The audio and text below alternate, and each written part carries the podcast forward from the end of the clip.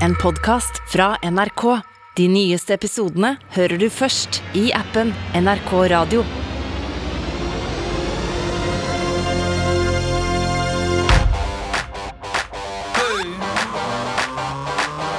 Popkorn over politikk med Sean Henrik Matheson og Gjermund Stenberg Eriksen. Velkommen til denne bonusepisoden av podkasten Popkorn og politikk. Jeg heter Sean Henrik Matheson. Eh, I forrige uke så eh, snakka Gjermund med en av Norges fremste eksperter på mm, psykologisk krigføring. Det amerikanerne kaller psyops. Eh, Ja, både på film eh, og i den militære virkeligheten, for å si det sånn. Eh, Det var spennende. Vi fikk plass til bare ørlite grann i, i forrige fredagsepisode, altså den ordinære episoden. Den finner du i appen NRK Radio, forresten. Kommer ut hver eneste fredag. Dette her veit du. Men de hadde en lang og spennende samtale. Så i den neste knappe timen skal du få høre om en viktig del av krigen i Ukraina. Kampen om hjerner og hjerter, og kampen om sannheten. Eskil Grendal Sivertsen. Eh, Det står at du er fagdirektør ved Forsvarets forskningsinstitutt. Men du er også dette spesialrådgiver, som jeg også syns klinger godt av. Jeg har akkurat bytta tittel. Oh, ja. Det er Skjedde sånn det på veien hit? Ja, nesten. Fordi jeg har, jeg har øh, bytt, formelt bytta stilling på FFI, så det er ikke noe mer spennende enn det. Men jeg har gått fra å være leder til å jobbe med det som vi skal snakke om i dag. Og du kommer rett fra Stortinget, der du har holdt en eh, gjennomgang med spørsmål og svar, regner jeg med, i to timer, eller hvor lenge varte det? Ja, jeg har vært og presentert eh, denne rapporten som vi laga om påvirkning av stortingsvalget. Så jeg har vært og snakka om den, og, og påvirkning generelt, påvirkningsoperasjoner til en, en, en gjeng på Stortinget. Påvirkningsoperasjoner. Det er jo et ord jeg liker, eh, men det ordet jeg ikke har vært mye inni, er psyops. Psychological operations. Og det er det du har brukt om deg selv. Hva er din bakgrunn og rolle eh, og du, som du har hatt i psyops-verden? Altså i forsvar og etterretning og i statens eh, øyemed. Ja, altså det høres jo veldig mystisk ut, kanskje. Det, det er nok ikke det, men det skal vi kanskje snakke litt om. Nei, jeg har, eh, har vært bl.a.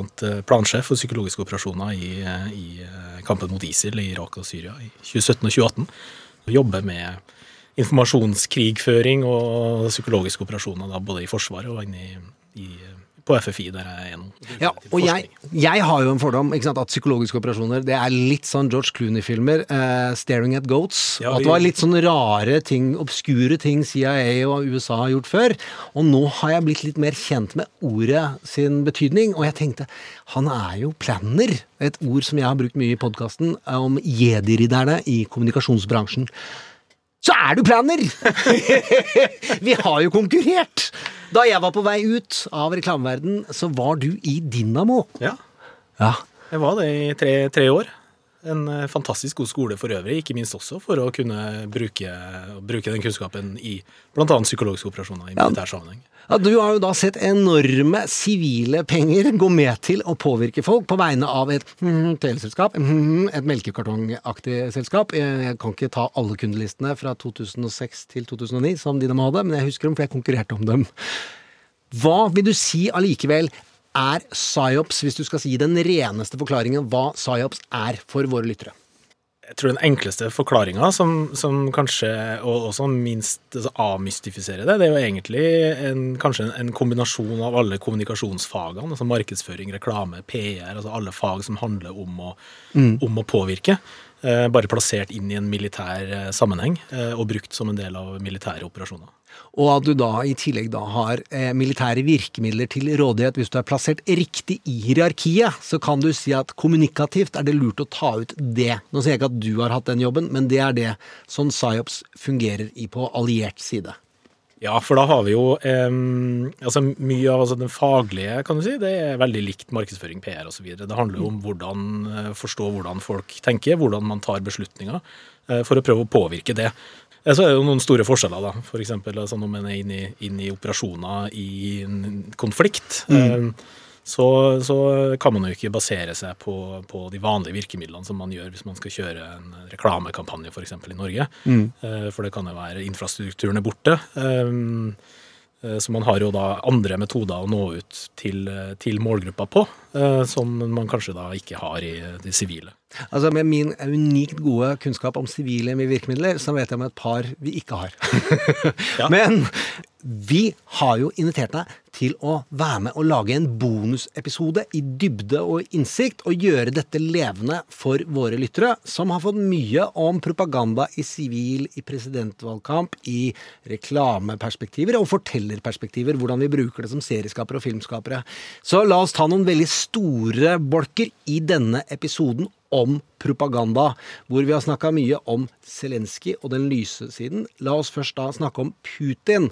I PR-faget så er det en kjent bok som heter 'Merchant of Doubt', og det har ofte Putin også da fått ved seg at det er en av hovedmålene for hans psyops-operasjoner, eller påvirkningsoperasjoner. Hvorfor er tvilen så viktig for Putins kommunikasjonsstrategi? Jeg tror det er viktig fordi han øh Altså Enten så vil du jo forsøke å overbevise en målgruppe om at noe er sant, eh, og hvis det er ganske åpenbart at det ikke er det, eller det er ganske lett å, å avkle det, så er jo en annen strategi å skape så mye tvil om hva som egentlig er sant, at man til slutt ikke forholder seg kanskje så mye til informasjonen man leser, enten det er sant eller usant, fordi hele alt det man leser og alt det man ser i informasjonsmiljøet er så forurensa, og det er så mye altså det er umulig å finne ut egentlig hva som er riktig og hva som er galt. Så det er jo en, en, teknikk i seg selv. Ja, og den brukes jo i sivilsamfunnet. Så er jo det å overflod av reklame en strategi for dominante aktører. Skal ikke si navnet på teleselskapene i Norge, men det står bare to igjen som betyr noe. Og de gjør jo da reklametrykket så høyt at konkurrenter ikke slipper til med sin versjon. Tvil, det å skape forvirring, det er målet i seg selv. Mm. Du har jo fortalt meg om en femdeling av den russiske påvirkningsoperasjonen. Hva er de fem pilarene? Ja, det er en modell som, som amerikanerne utvikla eh, med kunnskapen de fikk etter å ha undersøkt eh, russisk forsøk på å påvirke amerikanske valgkampen i 2016 så ble den veldig godt kartlagt, og det er jo eh, den enkeltstående eller si Det var flere operasjoner i én, men det, det, er noe av de operasjonene vi, vi har mest kunnskap om. Mm. Um, og de basert, de, basert, på det så laga de en modell som de kaller for et eh, økosystem for russisk propaganda og desinformasjon. Økosystem for russisk ja. propaganda og desinformasjon. Jeg liker ordene. Hvordan deler man det inn? Hvordan ser systemet da ja. ut? De har tatt noe som i utgangspunktet er veldig sammensatt og komplisert og, og ser ganske rotete ut fra, fra, vårt ståsted. Så de har funnet en modell som har strukturert det på, som, som jeg syns er god. De har delt opp da eh, kommunikasjonsaktivitetene og aktørene som, som mm. Russland bruker, i fem pilarer i spennet mellom åpent til fordekt. La oss ta det nummer én. Hva er det vi har der? På førsteplass. Første ja. Eh, nei, det starter med jo egentlig nederst. Ja. Eh, den første er offisiell myndighetskommunikasjon. Mm. Eh, det vil si Lavrov og Putin, altså offisielle myn russiske myndigheter som sier noe. og det kan, Sånn som russiske ambassaden i Oslo, f.eks. Altså offisielle myndighetskilder. Mm. To. To er statseid media. For Russlands del så er jo det RT og Sputnik og nyhetsbyrået som TASS. Og de har blitt brukt over lang tid i Putins påvirkningsapparat, og ikke da bare inn mot det amerikanske valget. Ja, det er riktig. og de, de, brukes jo aktivt eh, overfor eh, Russlands egen befolkning, eh, og internasjonalt ut mot et størst mulig globalt marked ute. Og hva er den tredje aktøren? Den tredje er såkalte proxy-aktører. Mm. og det er en ganske stort antall nettsider, nyhetsplattformer, tenketanker som, som fremstår som uavhengig.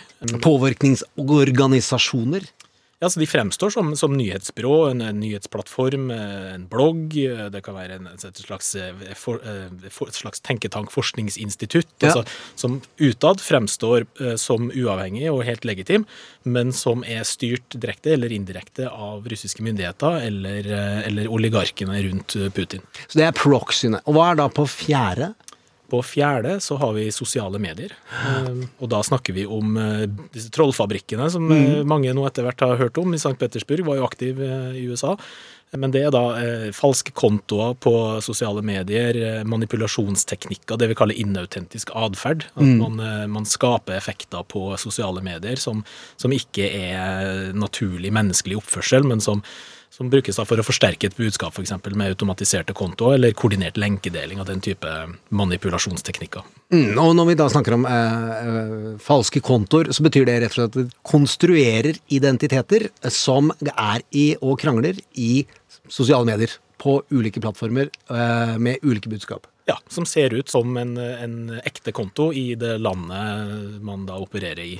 For USA sin del så så det ut som helt vanlige amerikanere som eide disse kontoene, men det var det jo ikke. Og hvor de noen ganger, veldig få, men de fikk fram den teknikken òg, de kranglet på to sider. Altså de forsterket to sider for å skape én demonstrasjon og en motdemonstrasjon rundt samme budskap.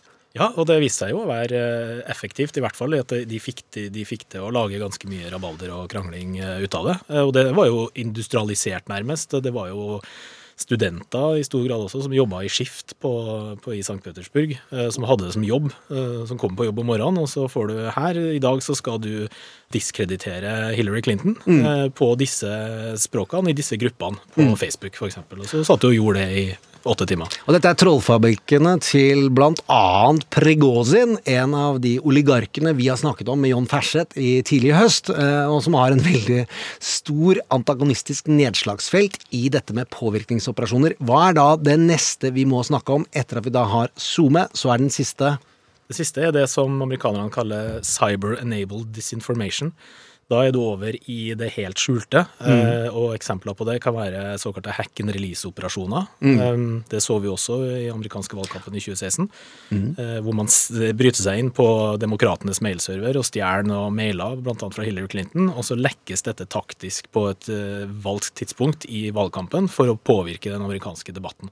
Eh, Andre eksempler kan være at man tar over eh, kontoene på sosiale medier for politikere f.eks., eller å tar over eh, lage kloner av etablerte nettsider. Mm. Vi så et eksempel i, i Sverige i fjor, eh, hvor Riksdagens hjemmeside ble eh, klona.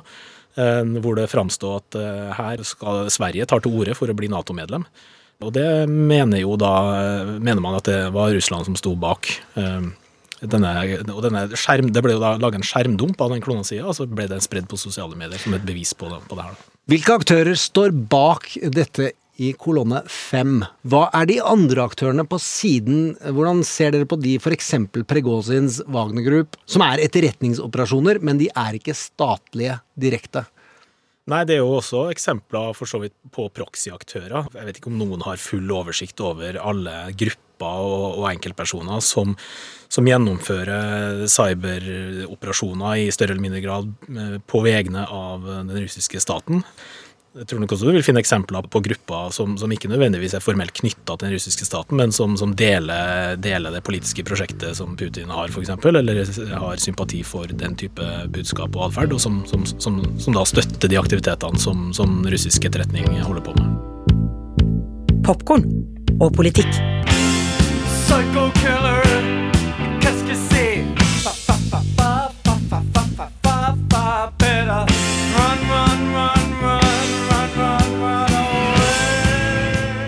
Og da er vi her med Eskil Grendal Sivertsen, og vi har tenkt å gå i dybden på det jeg i sivilverden kaller planning, og som jeg ofte har kalt gjeddervirksomhet, som ligner veldig på chief strategist i amerikansk politikk. Å planlegge alle tiltak, uavhengig om det er betalt, fortjent eller hva som helst. Alle ting skal ha en effekt og skape en forskjell. Å organisere det i tid og rom og kanal, det er plannerens liksom hovedgreie. Og da er det sånn helt øh, Skal jeg prøve å ikke For det er veldig mørkt, det vi skal snakke om. Ikke høres litt som å få Det er som å få en mops for en annen mops i studio. Det har kanskje ikke hund, men jeg har en mops. Verdens hyggeligste hund. Men når de får andre mopser inn, så skjer det noe med dem. Det er sånn «Hå! Er det sånn her også? Er ikke det en sånn gammel damehund? Han er forsker. Nei, det er eh, Noen vil se det. Vi som eh, er mopseiere, sier at det, er, ah, det bor en mopseier i oss alle. Ja. Men Det er sju elementer vi skal gå gjennom. Og i den første så tenkte jeg å begynne med mennesket. Hva som skjer med mennesket når de blir utsatt for propaganda. Eh, hvordan ser du på effekten av propaganda inne i mennesket? Ja, det var et stort spørsmål. Ja, ja, ja. Jeg kan starte andre veien. Altså, propaganda handler jo om altså, som psykologiske operasjoner. Vi bruker mange betegnelser, og de er til dels overlappende. Men det handler jo dypest sett om å eh, påvirke menneskets eh, holdninger, virkelighetsoppfatning, og i ytterste konsekvens eh, handlinger. Ja, jeg liker jo sånn helt gå tilbake til X-Fill. Folkens, hold dere fast. Ogden har lagd en trekant som sa at forholdet mellom begrepet og tegnet og tingen er tilfeldig. Det vil si at vi kan endre ditt forhold til ordet, så endrer du synet på virkeligheten. Og all propaganda, reklame og kommunikasjon, men også fortellinger når vi lager TV-serier og filmer, handler om å endre ditt forhold til det vi ønsker. Eh, og der er det også et effekthierarki, faglig sett, i verden. At du må først hekte følelsen for at tanken skal endre seg.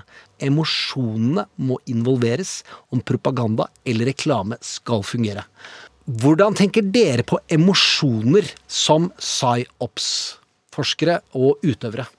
Men vet du hva, før jeg svarer på det, så har jeg tenkt, når du sa, du snakket om Ogden, og, og hvordan vi forandrer altså vårt forhold til ord og begreper. Vi skal jo snakke om, om påvirkning, også om hvordan russerne driver overfor Ukraina. Men de holder jo også på i Norge, og mye av det er subtilt. Noe jeg syns er veldig interessant å følge med på, er hvordan den russiske ambassaden i Oslo kommuniserer på Facebook. Nettopp. Og Det syns jeg er et godt eksempel på denne subtile eh, påvirkninga av hvordan du knytter mening til ord, og hva slags begreper vi bruker. Og En av de tingene russerne gjør, er å ta tak i konfliktlinjer i samfunnet og prøve å forsterke det. Det så vi jo veldig mye av i USA. I nord så har vi jo en av flere sånne konfliktlinjer, er jo nord-sør.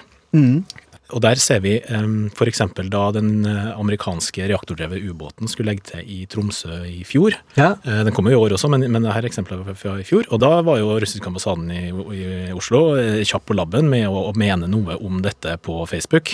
Hvordan brukte det, hva, hva gjorde de da konkret? Ja, da la de ut en ganske lang melding som tok utgangspunkt i eksisterende følelser hos en del folk i Troms, som var bekymra for sikkerheten, og den følelsen som, som en del eh, i, i Nord-Norge, og kanskje spesielt Troms og Finnmark, har om at sant, det er lang avstand til Oslo. eh, Politikerne i Oslo forstår ikke virkeligheten her i nord, og, og ønsker dem å slå inn i kile der. og Bare å se retorikken de bruker. De sier ikke norske myndigheter, de sier Oslo.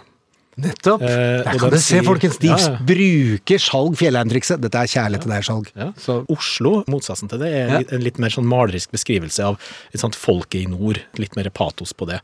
Hvis eh, pressen plukker opp det, og andre plukker opp det, at vi begynner å snakke på samme måten, så har vi plutselig etablert det samme språkbruken. At vi, at vi snakker om Oslo, og så snakker vi om folket i nord.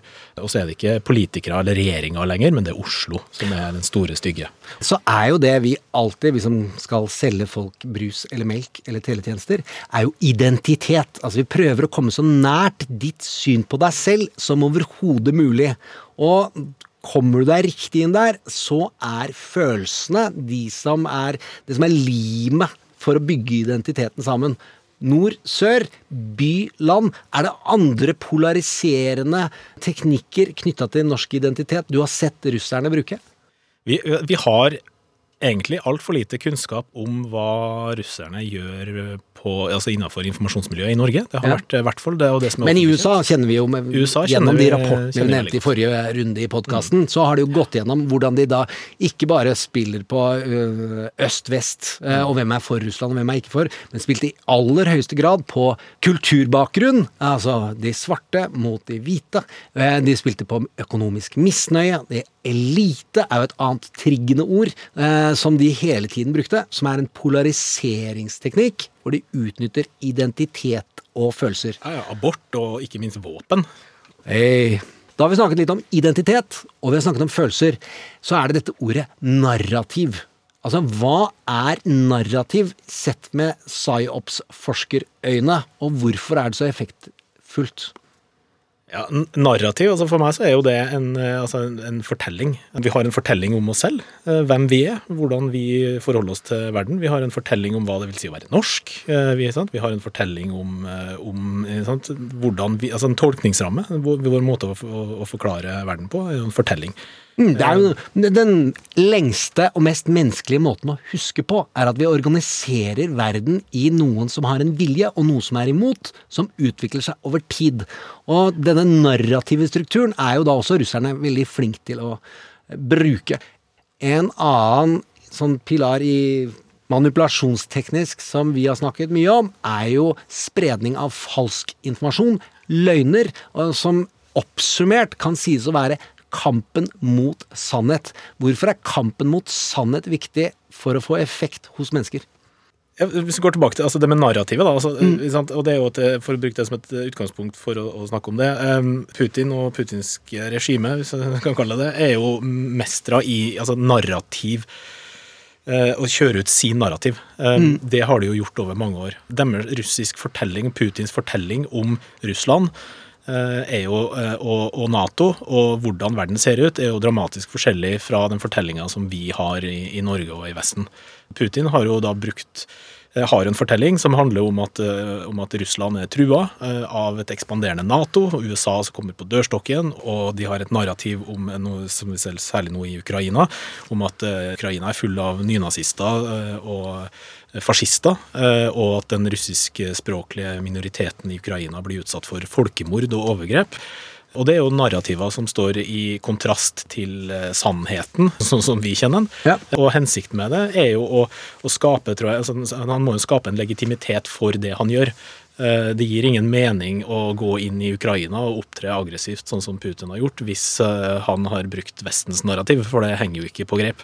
Eh, Men hvis han klarer å bygge opp et narrativ, en fortelling som handler om at Russland er trua av et ekspanderende og farlig Nato og USA, og at eh, det foregår masse folkemord av, eh, av russere i Ukraina, så er jo, hvis han klarer å etablere det som en sannhet, så er jo det en, en Det gir jo da legitimitet til at han kan gå inn militært for å beskytte den den russiske minoriteten i Ukraina, f.eks. Hvorfor er han ikke da så nøye på eh, faktainformasjon i den massedistribusjonen av informasjon som vi har opplevd har eskalert siste månedene, men det har jo vært der i fire, fem, seks, sju år. Altså Den konstante spredningen av løgn har ikke bare handla om å konstruere et narrativ, men å fjerne vårt narrativ om oss selv. Ja, det blir jo en, en kamp om sannheten. Eh, og det narrativet som han har kjørt, det har han jo kjørt massivt eh, inn mot den russiske befolkninga i, Ja. i mange mange år. Og det er jo samme, samme fortellinga eller narrativet han bruker utad. Så de to fortellingene er jo konsistent i så måte. Eh, Men så er det en forskjell at befolkninga i Russland i stor grad baserer seg på statlige medier og får servert den fortellinga fra Putin, men det er ingen som, som kan komme med, med andre syn og fortelle russiske befolkninga hvordan, eh, hvordan det egentlig henger sammen. Så, så det er nok lettere å lure russiske befolkninga, og, og, sånn sett, eh, fordi han har så ekstremt statlig kontroll over informasjonsmiljøet i Russland så er det jo utad i Vesten, så, så, så blir det jo avkledd stadig vekk. Men det er jo noe med at han, altså når du pusher det samme narrativet gang på gang hele tida, så sånn, sier du noen ting ofte nok, så, så blir det sant til slutt. For, for noen, i hvert fall. Og du kan oppnå tvil, da. Et av flere hovedmål som Putin har i Putins kommunikatorer eh, har for å skape effekt utenfor landets grenser. Tvil, for da, hvis du har skapt tvil, så kan du også da utvisket til en viss grad et narrativ, og du har kan muligheten til å konstruere et nytt. Er ikke det teorien? Jo, det er jo det neste skrittet. Eh, og vi ser jo til en viss grad hadde effekt også i Norge. Mm. vi så jo flere i opptakten til at de faktisk gikk inn full on militært i Ukraina nå eh, for en uke siden. Eh, så var jo offentlig debatten også i Norge eh, ganske delt, hvor det var enkelte som gikk ganske langt i å ta til orde for at eh, vi må forstå eh, Putin. At, han At hans interesser er truet, at de, de bekrefta nærmest narrativet. Skal ikke legge det i øret til prorussiske nødvendigvis, men det er klart de hadde en versjon av narrativet som tjente hans interesser i den fasen det var. Ja, og ikke nødvendigvis at det er riktig. At hans narrativ er riktig, at han faktisk blir trua av, av Vesten og USA. For det, for det er jo ingen som det, det, det er jo ikke sant. Men at vi må forstå at dersom han faktisk tror det, så må vi forstå det. Eh, og så kanskje, og det var jo en del også som gikk ganske langt i å, å si at dermed så må vi kanskje vurdere å komme ham i møte på en del punkter eh, for, å, for å unngå konflikt og for å ta dette ned. Det har fått en dreining nå etter at vi så hva han faktisk gjorde, og kanskje flere som tok eh, til orde for det. eh, kanskje har Og noen utrolig flotte uh, Viva 'jeg tok feil', mea culpa-folk Ja, som har det- kommet ut. Det bør ikke nevne navn nå, for nå er det på tide å litt se framover og, ta, og ble, bruke etterpåklokskap til det vi kan bruke den til, og ikke kakke hverandre i hodet med. Helt enig. La oss ta en liten uh, musikkstikk, hvor vi nå skal snakke om da eh, den vestlige siden. Det du vet eh, om hvordan vi organiserer det på vår side. Smak på denne. Popkorn og politikk.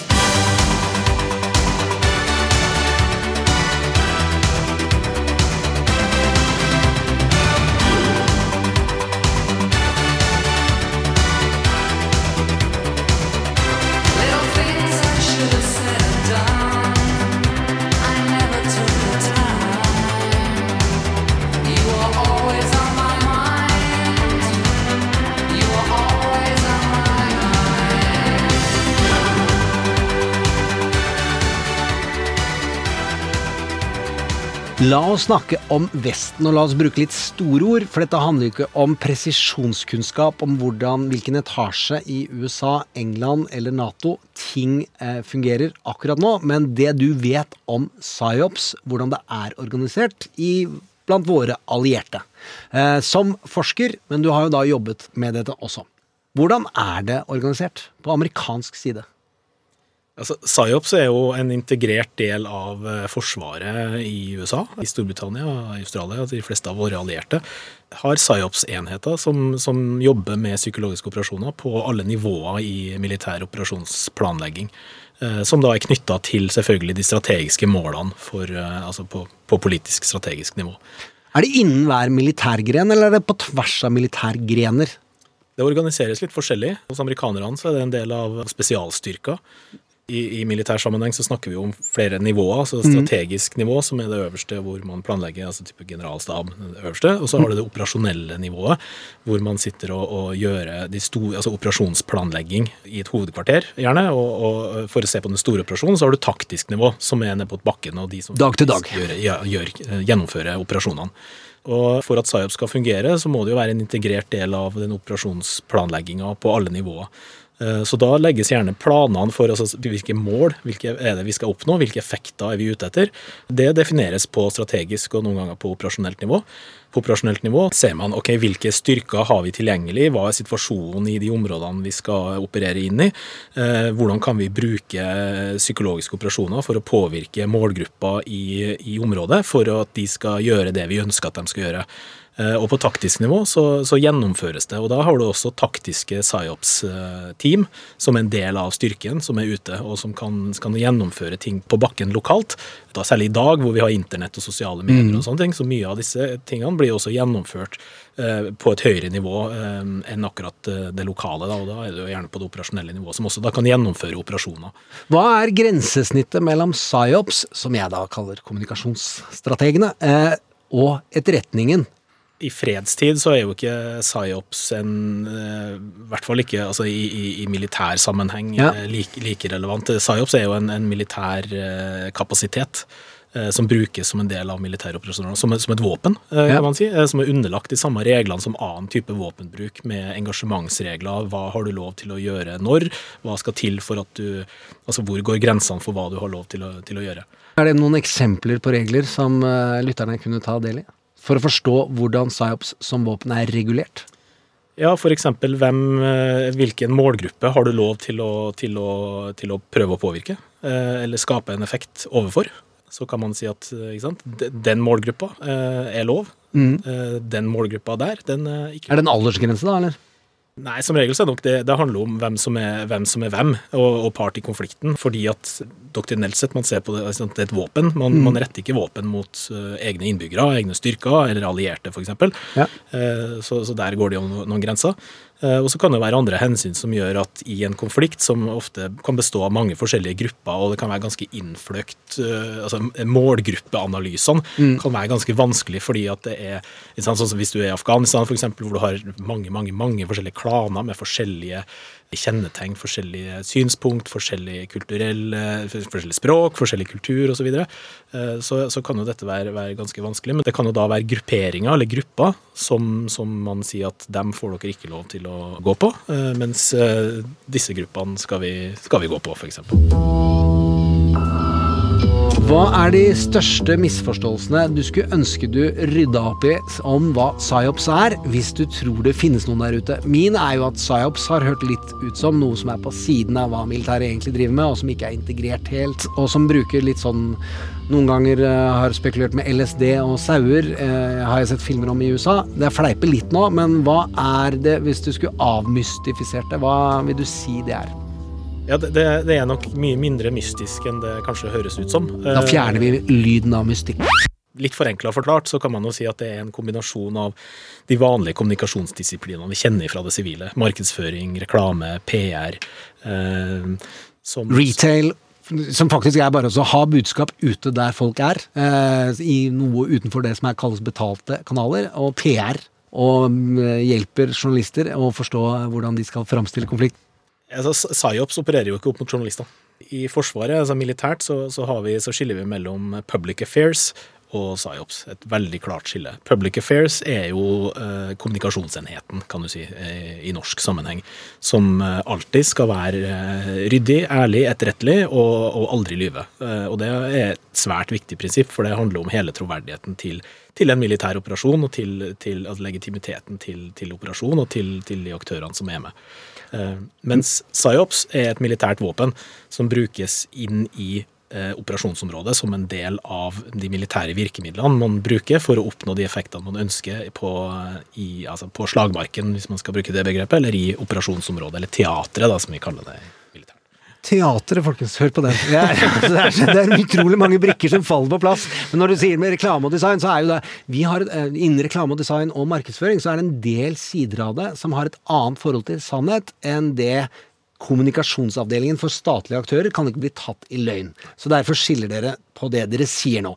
Men for eksempel min favorittkaffe, som jeg trodde helt til jeg begynte i reklamebransjen, var en kjempegod engelskprodusert kaffe som heter Evergood, er jo en kjempeløgn. Som spiller på en fortelling om hva slags kaffe jeg ønsker meg. Eh, Det finnes ikke eh, så mange vitamininstitutter i Sveits som norsk reklame skal ha det til. Og det Synnøve Finden er ikke den gårdseieren som alle skal ha det til. Det er virkelighetsvridning. Det driver da PsyOps med, men ikke kommunikasjonsavdelingen i eh, en militær operasjon, er det det du sier? Ja og nei. altså eh, Public affairs, altså kommunikasjonsapparatet, eh, Ja. driver aldri med noe annet enn sannhet. Ja. Skal ikke gjøre det. Det er et veldig viktig skille. Eh, PsyOps kan i veldig stor grad benyttes til å formidle sannhet, og det gjøres jo. Forenkla så kan man skille mellom hvit, grå og svart PsyOps. Hvor hvit PsyOps kan gjøre akkurat det samme som, som f.eks. Altså public affairs eller kommunikasjonsenheten. En informasjonsbrosjyre. Vær så god, her er det. Sannheten. Vi er oss. Ja, riktig. Grå, da står det ikke 'hvem er oss'? Les denne. Jeg vil ikke si hvem jeg jobber for. Jeg, jeg, jeg, det ble uklart. Les denne. Her er den. Det er grått. Ja, og da kan det nok være forståelig for de fleste at det kanskje er hvem som står bak, men det er ikke attribert, da, som vi kaller det. Mm. Eh, Fravær av attribusjon. Eh, Og på svart, da er vi over i villedning. Og Les da, denne. Jeg kommer fra Den norske kirke. Og så er det ikke det. Jeg er fra militæret. Det er svart. Ja, og da kan også det som står, være riv ruskende galt. Da er man i væpna konflikt. Altså, Mm. Dette er et virkemiddel for å eh, primært da villede fienden. Det har vi mange historiske eksempler på også. ikke sant? Du har hvis vi- Hvilke da? Altså, vi skulle tatt inn glansnumrene av eh, svarte virkemidler over eh, Som du vet om. Det er jo et par gode eksempler fra, fra andre verdenskrig. Operasjon Min Smith, for eksempel, hvor man klarte å lure tyskerne til å tro at invasjonen ikke skulle komme, eller at allierte ikke skulle komme i land på Sicilia, men på Sardinia. Um, Hvordan gjorde de det? på mange kanaler. Altså på å leg- legge ut spor eh, som de, altså på, på samband, f.eks., som de visste at tyskerne kom til å snappe opp. Spre rykter eh, gjennom agentnettverk som de visste at uh, tyskerne ville få, få snappa opp. Eh, men, men det kanskje mest spektakulære her var jo at man eh, tok et lik, en død mann, eh, kledde den opp i en britisk uniform og ga han en identitet som en, en Royal Marine.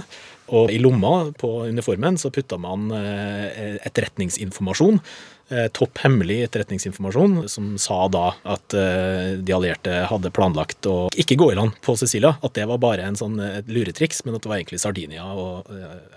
Også, også for å øke troverdigheten til, til at dette var faktisk en ekte britisk soldat som hadde omkommet til havs og, og drevet i land på kysten av Spania, så putta de også i, i lommene hans en eh, jeg tror det var en kvittering fra, fra at han hadde kjøpt en forlovelsesring til sin kjæreste.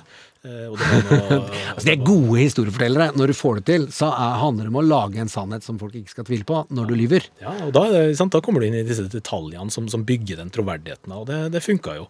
Og så har du også denne berømte Pattens Army, altså som den, eh, eh, altså den falske hæren som, som ble laga Det var en i Sør-England og så en i, i, i Skottland, eh, hvor de brukte altså, oppblåsbare fly, oppblåsbare stridsvogner og, og dukker, og, og, sant, og fikk det til å framstå som at her var det en oppbygging av store styrker, som egentlig var bare luft og papp. For, å, for å villede fienden til å tro at vi skal gjøre noe annet enn det vi egentlig har tenkt å gjøre. Som er dramatisert i den fabelaktige fiksjonen Nålen. Så mener jeg å huske at det er det denne Så skal ikke jeg spoile plottet, men det er da denne fiktive tyske spionen er på jakt etter. Og tenk om han fikk sendt den informasjonen. Da sitter du og leser en bok og tenker at landgangen ikke skjer. Det er rart. Men det er i hvert fall en veldig god bok. Men du har jo da jobbet med psyops eh, aktivt mot ISIL. Er det noe der du kan dele om hvordan det arbeidet foregår, fra åpne kilder, eh, eller måter du har fått lov til å snakke om det på? Jeg kan ikke snakke så mye om operasjon, men, men hvordan psyops brukes generelt. I et konfliktområde så har du gjerne sant, infrastruktur kan være borte, du trenger andre måter å nå fram et budskap på. Eh, Så da har vi jo forskjellige måter å gjøre det på. Eh, Som f.eks. å sende ut SMS-push til telefoner, du kan sende videoer, du kan, hvis de har internett, Mm. så, kan man jo, så er jo det en fordel. Eh, Hvis man ikke har det, så har man i sin enk, aller enkleste form, som kanskje fleste tenker på psyops, er jo disse flygebladene som, som kan droppes fra fly, f.eks. Som brukes fortsatt. Som brukes fortsatt, og som det er altså, lett å tulle med, fordi det er, såpass, altså, det er et relativt primitivt virkemiddel, men, men det har effekt for sitt bruk. Og det vet jo de som bruker det. De vet hva som er sånn cirka-effekten de kan håpe for, og så er det jo skreddersydd for å få den effekten det kan. Ja, og da, og da er det jo viktig at det er på, på, på riktig språk, at man har forstått eh, den kulturelle konteksten det skal foregå i, at man ikke bruker bilder for eksempel, som oppleves som støtende i en religiøs kontekst som kanskje vi ikke har tenkt på osv. Mm. Ofte så kan man jo i hvert fall i, i en del eh, andre land hvor man har en høy grad av analfabetisme f.eks., så kan vi ikke lese noen verdens ting, så da lages det tegneserier, sånn at man liksom bilder, sånn at man kan forstå budskapet ut ifra fra bilder ikke noe eh, mystiske ting med det, men det kan være f.eks. at eh, hvis vi skal gjennomføre operasjoner i et område, og så har du store flyktningstrømmer for eksempel, som vi er redd for at skal komme inn i det Unngå det fjellpasset, for der er vi. Riktig. Rett og slett. Eh, Eller nå finnes det mottaksfasiliteter for dere. Dere kan gå til dette stedet og få hjelp der. Eller når du skal f.eks. komme tilbake til landsbyen din, eh, som kanskje har vært beleira. Komme tilbake, og så kan det jo være noen eh, faremomenter ved der. Så det kan ligge igjen sprengstoff, ikke sant? det kan ligge igjen en del farlige ting. Så sender vi ut da informasjon om hva de må være forsiktige med, og hva de bør se etter, og hva de skal gjøre hvis de finner ting, og kanskje et telefonnummer de kan ringe hvis de kanskje finner en veibombe eller et eller annet. eh, sånne ting. Andre enden av spekteret så, du så bruker man jo psyops for å påvirke hvis man er inn, inn i kamp, da. Og det er viktig å, å påpeke at nå snakker vi om militær operasjon. Så da har du ønske å, å svekke fiendens kampmoral, f.eks. Og da kan jo psyops være et effektivt middel for å, å nå fienden med budskap som kan være egnet til å, å svekke deres kampmoral. La oss da bare se på hvordan Russland det, Mitt den kunnskapen du har, for du er forsker, du får den tilgang på den informasjonen vi har, men gitt den du har, la oss se hvordan Russland har jobbet. Lei av å bli lurt. La, la, la, la, lei av å bli lurt. Så lei av å bli lurt. La, la, la, la, lei av å bli lurt. Popkorn og politikk.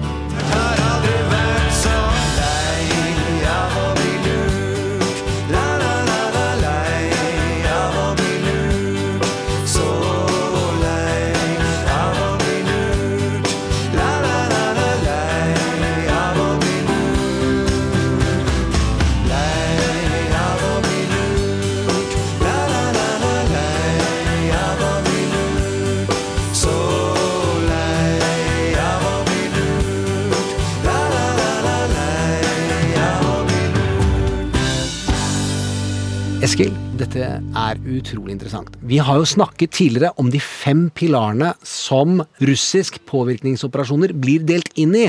Og hvis vi raskt bare tar de fem Offisiell myndighetskommunikasjon. Statseide eller statskontrollerte medier. Proxy-sider, altså sider, nyhetsplattformer osv. som ser ut som de er uavhengige, men som ikke er det. ja, i en eller annen forstand kontrolleres av russiske interesser. Fire var Sosiale medier, manipulasjon, altså falske kontoer osv. Og det er blitt noe viktigere de siste ti årene. Det kan man si. Ja. Og fem var Da er vi over i, i cyberverdenen med hack and release-operasjoner, eller å ta over eh, nettsider, eller eh, hacke kontoer på sosiale medier. Så hvis vi da ser på Ukraina, eh, hva er det de har blitt utsatt for av psyops-operasjoner fram til la oss si november i fjor? Det vi har sett eh, fra Russland, er altså disse fem pilarene tas i bruk gjerne på, på høyere nivå, altså strategisk politisk nivå. De, har brukt det i mange mange år, og brukt mange år på å bygge opp et svært, omfattende nettverk hvor disse fem pilarene spiller på lag. Så den enes output blir den andres input. F.eks. at du får en, en sak på, på RT for eksempel, om et eller annet. Eh, Som støttes av en sak på et eller annet tilsynelatende uavhengig eh, nyhetsnettsted. eh, Som blir spredd på sosiale medier og forsterka av bots. Og kanskje blir, får saken så stor at den blir kommentert av russiske myndigheter f.eks. Og da blir det kanskje en enda større en ny mediesak, og så har du en sånn runddans. Og inne i Ukraina så har du hatt oligarker som eier russiskvennlige mediehus, som da også er en del av dette økosystemet som du skisserte disse fem pilarene blir framstilt som, ikke sant? Ja, og så, og så har vi jo, så ser vi jo, vi snakka jo litt tidligere om, om narrativer, og det vi har sett er jo at de, altså det er jo de samme narrativene som har blitt pusha for et stort, stort publikum, både i Russland og i Ukraina og i, i verden for øvrig. Hva er de viktigste narrativene Ukraina har blitt utsatt for?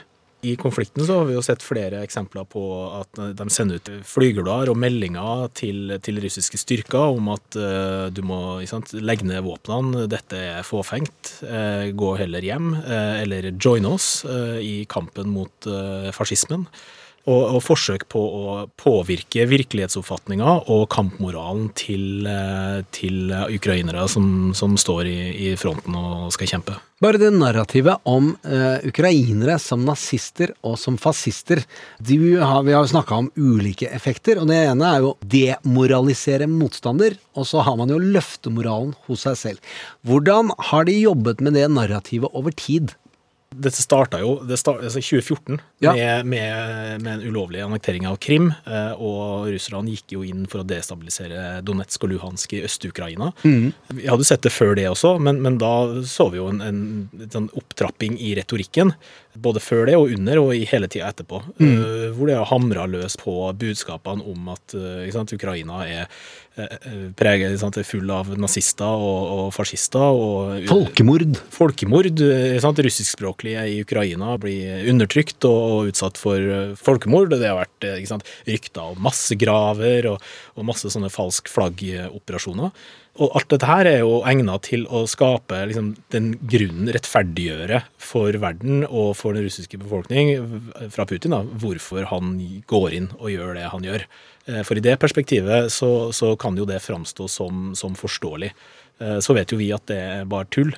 Men som med all god desinformasjon, så er det jo en kjerne av sannhet i En flik, liker vi Ja, å kalle det, som har framstilt Ukrainas eh, nazisttradisjon og fascisttradisjon, så er det under 2% som har tilslutta seg den ytre høyre i Ukraina, og det er ca. prosenttallet som befinner seg i de fleste andre land. Dessverre, rundt omkring i Europa, så er det 1-2% som har ytre høyre assosiasjoner. Men det har de da altså blåst opp.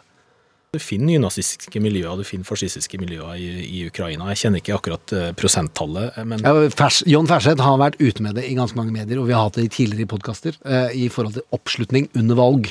Eh, Ja. Og at de har fått lov til å gå i gatene, fordi de ut eh, Altså, de var opposisjon og var i krig med de russiske invasjonsstyrkene, og dermed så har den øvrige ukrainske befolkningen sagt ja, ja, ja, vi stresser ikke helt med disse gutta her nå, selv om de går i veldig klønete klær eh, og dyrker symboler vi ikke liker. Så er det viktig å huske, de har en jødisk president. Ikke minst. Og det er jo lett å utnytte, ikke sant? for da, når det fins. Å ta bilder av demonstrasjoner, ta bilder av disse møtene, disse lederne, altså svastika osv. Så, men så, så du, bildematerialet fins jo, videomaterialet fins jo. Da trenger du egentlig bare å skrive en kontekst rundt. Lage en fortelling, et narrativ. Det, det fins, men, men her blir det jo blåst ut av alle proporsjoner. Og ikke minst overfor den russiske befolkninga, så er jo det narrativet som Putin har pusha, eh, og pusha over mange år, for å, for å befeste et inntrykk av at sånn er det, og derfor så er det rimelig at vi, ikke bare rimelig, men det er påkrevd, at vi går inn for å beskytte våre russisktalende brødre og søstre i Ukraina fra denne, denne faenskapen fra disse fascistene og nazistene i Ukraina. En løgn, et narrativ som han har pusha gang på gang over tid, og som jeg tror du finner disse miljøene i de fleste land, også i Norge. Hvis du ser på sosiale medier, så har vi også en god del som tar til orde for eh, altså som, som har ytre venstre og ytre høyre, så har du eh, splitter dette egentlig hvor noen er da for Ukraina, noen er for Russland, men Russland har sine ambassadører i ytterkantene også i Norge. Ja, og det er jo en effekt av eh, en sånn, når du kjører en sånn massiv påvirkning over tid, eh, gjennom som de har profesjonalisert gjennom dette økosystemet, eh, så, så kan du få et såpass voldsomt trykk. Og når du opprettholder et trykk over tid, så, så er jo det egnet til å påvirke virkelighetsoppfatninga til noen, og kanskje skape tvil hos flere. eh, På at ja, men kanskje det er noe i det likevel. Vi har jo hørt dette så mange ganger, og her står vi, vi ser det på flere steder. Og så at, at det begynner å krype inn i underbevisstheten, som at ja, men kanskje det er noe i det. Og nå skal vi over til hvordan dette fungerer med den globale opinion, og så skal vi til Russland eh, etter det igjen. Men hvis vi skal se på hva er de overordna narrativene som Putin har jobba med i hvert fall åtte år, da. Hva er de viktigste av de som du ser har hatt effekt, og er viktig for å forstå operasjonen der den er i dag? Jeg tror det ene er at eh, påstanden om at eh, Russland er trua av et ekspanderende og aggressivt Nato med USA i spissen. Som, som, rettferdig, som gjør at de kan si at uh, vi har ikke noe annet valg enn å ruste opp vårt forsvar og plassere oss ut i, ut i stilling for å, for å kunne beskytte og forsvare Russland fra denne aggressive oppførselen. Et selvforsvarsnarrativ med offerelementer. Et annet, eh, særlig nå etter at Russland har gått inn, så ser vi jo at de fortsetter jo å, å, å hamre på, på den retorikken, men den er fortsatt relevant. Det er ett av mange, og det er det som gjør det sånn komplisert. De har mange forskjellige narrativ, men et narrativ vi ser veldig tydelig nå, er jo eh, påstanden om at eh, russisktalende minoritet i Ukraina blir utsatt for, eh, for folkemord og forfølgelse av et fascistisk og nazistisk ukrainsk regime. Som da eh, er egnet til å legitimere og rettferdiggjøre hvorfor Putin må gå inn i Ukraina og, og rydde opp for å beskytte den russisktalende befolkninga. Jeg har jo ikke oversikt over hva som er psyops, og hva som er eh, hvit vestlig propaganda, i den forstand at det er informasjonskamp. Og da har jeg sagt at informasjonskamp er legitimt. Det må man se på både i freds- og stridstid som en politisk kamp. Biden og Blinken og Vesten og Nato gikk ut før denne innovasjonen startet, på en helt annen måte enn de har gjort tidligere. Nemlig beskrive hva som er i ferd med å skje, gå ut med etterretningsinformasjonen med din erfaring. Hvordan ser du på det de gjør der, og hva gjorde det med Putins folk sin operasjon? Det var et veldig interessant eh, grep, eh, og som du sa, det er uvanlig at man, man gjør det. Og det var sant denne gangen da de gjorde det under Irak 2, men da eh, solgte de noe som ikke var sant. Denne gangen så gikk de ut med masse informasjon, og det var sant. En stor hensikt med det var jo å forpurre planene til Putin ved å si at det er åpent til hele verden. Vi vet at du har planlagt å gjøre sånn og sånn og sånn, og det vil jo sånn sett eh, ta fra Putin et eventuelt overraskelsesmoment. Og det er jo samme grepet som kan si man ser i politikken. Hvis du er, tror at du blir utsatt for en, en drittkampanje, så er det jo en strategi også å komme i forkjøpet. Gå ut på Facebook, eller? Ja, for eksempel. vi lar det ligge, vi lar det ligge. Men, det, det, men ja, et opposisjonstriks, om det er det rød eller blå som er opposisjon, er jo at før de som kommer ut i posisjon, så kommer det Enten så er det for lite, eller så er det for mye, eller så er det for tidlig, eller så er det for sent, eller så er det for svakt, eller så er det for sterkt. Det er aldri riktig, og det må ut først. Ja, Da tar du eierskapet til fortellinga, til narrativet, og, og gjør det vanskeligere for Putin. Men jeg tror nok først og fremst her så handla det om å si at eh, vi, vi vet hva du holder på med. Eh, vi forteller verden om det. Når eh, amerikanerne gikk ut med etterretningsinformasjon og sa offentlig vi, vi tror at dere kommer til å nå rigge falsk flaggoperasjoner ved å skape en eller annen situasjon for å forsvare at dere skal gå inn, vi tror at det kommer til å skje denne uka liksom, De gikk ut med all denne informasjonen som ble liksom, latterliggjort av, av Putin, eh, åpenbart. Men det ligger jo et dilemma i det her også. Nå vet vi jo at den informasjonen var riktig. Men det kunne jo også ha ført til at Putin valgte en annen handlemåte. Sånn at han gjorde noe annet. Han ble avkledd og avslørt på det han hadde tenkt å gjøre, så derfor så gjorde han noe annet. Og da vil man jo i ettertid kunne si at Putin hadde rett. Det var bare tull eh, amerikanerne kom med. Eh, og sånn sett etterlatt inntrykk ville vært at eh, her eh, var det kanskje bare et spill. Ja. Til falsk flagg-operasjoner så hadde vi en egen episode om det med John Ferseth, og gikk gjennom noen av de på vestlig og på russisk side gjennom historien, og at det er et gammelt sjømannsslagord. Come aboard, you little buccaneer! Do what you want, cause a pirate is free. You are a pirate. Blue sky above and blue ocean below. You are a pirate. Ha, ha, Popkorn og politikk. you are a. Propagandaoperasjonen som russerne har blitt utsatt for fra russisk side, hvordan vil du beskrive den? Vi har sett eh, Putin over mange år skrute tvinga på altså, det russiske sivilsamfunnet. Ytringsfriheten har jo blitt eh, ikke bare begrensa, men strupa. De statseide kanalene får jo nærmest eh, instruksjon om hva, hva man skal snakke om, og hvordan man skal snakke om det. Det er forbudt å kalle krigen i Ukraina for krig. Det skal kalles en militær operasjon. Og det straffes. Det er klare føringer på hvilke ord og begreper som skal brukes for å beskrive eh, situasjonen i Ukraina. Og Putin har jo mer eller mindre full kontroll over alle mediene som Eller det har han jo full kontroll over alle mediene i Men hvem som kommer inn og snakker på TV òg, ikke sant. Det er vel ikke kritikere igjen. Det er noen kjendiser i forrige uke som gikk ut. Sportskjendiser, reality-kjendiser, eh, programledere og underholdere som har hatt store, store synlige posisjoner.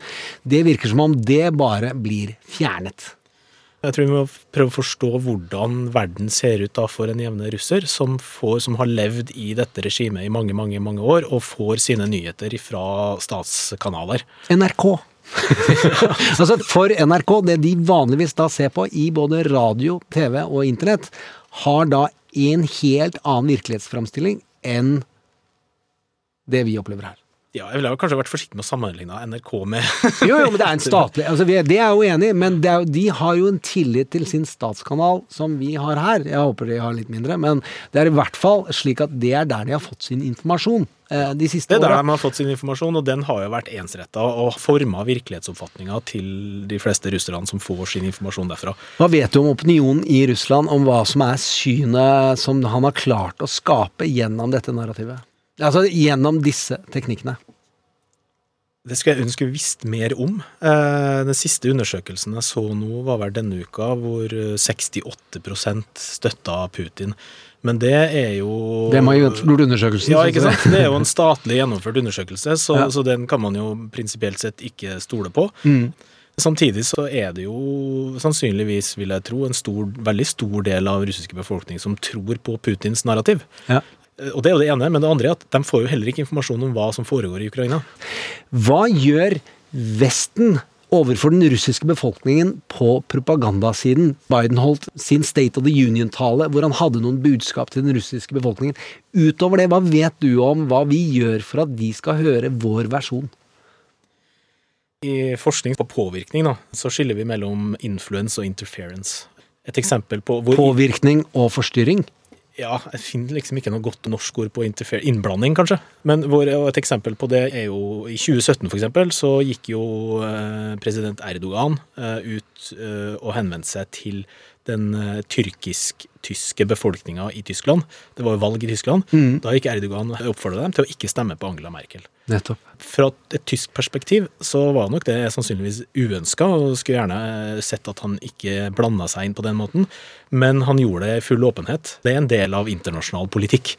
Stater forsøker å påvirke hverandre. Det kan være uønska, men, men det er på en måte altså det er legitimt. så setter vi en grense når det blir illegitimt, Ja. hvor du begynner å ta i bruk eh, fordekte metoder. Eh, Manipulasjonsteknikker på sosiale medier, bruk av desinformasjon f.eks. Og den type altså, influens, altså retorikk fra andre stater, andre statsledere, det ser vi jo hele tida eh, kommer, hvor de åpent og offentlig eh, forteller hva de mener om, om Putin og om Putins eh, handlemåter. Og Anniken Huitfeldt var ute nå, og det vil en alle utenriksministre i Norge gjøre, og si vi må ikke ha til russerne, de som ikke er med på krigen. Altså Man prøvde å snakke ned tonen i hvordan vi omtaler russere. Ja, viktig budskap for øvrig. Ja. Eh, Men, men? Altså, den type påvirkning er jo helt legitim, og det ser vi jo hele tida. Hvor mye av det som oppfattes av russere, det er jo et annet spørsmål. For dette blir nok neppe sendt på RT. Hva var det du tenkte at folk må være bevisst på når det gjelder desinformasjon og propaganda i Norge? Jeg tror vi har eh, levd i sånn, Vi er vant til å leve i fred og frihet i et veldig likt og enkelt samfunn, hvor folk stort sett vil hverandre godt. Som står i en sterk kontrast til den kynismen som vi ser hos en statsleder som Putin. Og vi er også ganske uforberedt på den type virkemiddelbruk som han bruker. For han ser jo bort, helt bort ifra alle internasjonale spilleregler, alle altså alt det vi legger til grunn som hva som er rett og galt. Reguleringer av psyops-operasjoner, f.eks., som vi nettopp har snakket om. For eksempel, og det, det er jo en viktig forskjell mellom et autoritært regime som Russland og et, et demokrati som Norge eller andre vestlige land. Det er en del ting og virkemidler som vi aldri vil ta i bruk. Dere står ansvarlig overfor politikere når krigen er over. Det gjør man. Vi har eh, lover og regler som definerer hva som er innafor og utafor. Mm. For Putin, for eksempel, så, så han gir jo blanke i det. Så Ja. da, har jo, da har han jo et mye større register å spille på. Overfor den norske befolkninga, gitt at det jeg vet i hvert fall om Putins metoder, er å polarisere. Altså det er å få opp støynivå og få opp tvilen om hva som er sant og hva som er faktisk. Har vi vært for naive der og lulla oss inn i at vi jobba hardt nok mot spredning av falske nyheter, f.eks.? Hvis du skal si én positiv ting med at vi har hatt to år med pandemi, så tror jeg åpenbart for alle og enhver nå at desinformasjon har blitt et stort problem. Ja. Eh, Vi har jo sett enorme mengder av det under pandemien. Det problemet eh, er ikke bare knytta til covid-19 og korona, det er i aller høyeste grad knytta til storpolitikk, til geopolitikk, og sånn som Russland har operert. Vi har ikke sett noe direkte tegn på noen store målrettede operasjoner mot Norge, men vi har sett det mot mange andre land. Så det å, å være mer bevisst på sosiale medier, eh, drive kildekritikk sånn, Litt sånn kjedelig råd, men det er klart det er kjempeviktig. Så jeg har gått på sjøl, så det griner etter. Sprer 'Å, dette hater jeg, dette er jeg sinna på!' Så sprer jeg, og så bare ah. Ja, ikke sant? Desinformasjon er jo som regel alltid emosjonelt vinkla, nettopp fordi at det skal trigge en reaksjon, fordi det senker terskelen for å dele. Og to undersøkelser ganske nylig som, eh, som begge har funnet, at desinformasjon spres i snitt seks ganger raskere enn en på en måte vanlig eh, informasjon. Nettopp på grunn av det. Og med de oppløftende ordene 'desinformasjon spres seks ganger raskere', så er det med stor trygghet jeg vet at vår podkasts funksjon her i verden ikke blir borte, dessverre, med det første. Eskil Grendal Sivertsen, jeg håper du kan komme tilbake, og vi kan ta andre elementer ved det vi nå har snakka om. Eh, Du er fagdirektør. Jeg vil for alltid kalle deg en planer. Jeg vet ikke om jeg skal si takk for det, men eh, Han liker heller ikke Star Wars. Du har hørt en podkast fra NRK. Popkorn og politikk. De nyeste episodene hører du først i appen NRK Radio. Og president, jeg har i dag bedt spesielt Ukrainas ambassadør om å komme og være til stede. Og jeg ønsker på vegne av alle i Norge, gjennom han, å uttrykke vår solidaritet og vår støtte. Ambassador, your people have our full solidarity.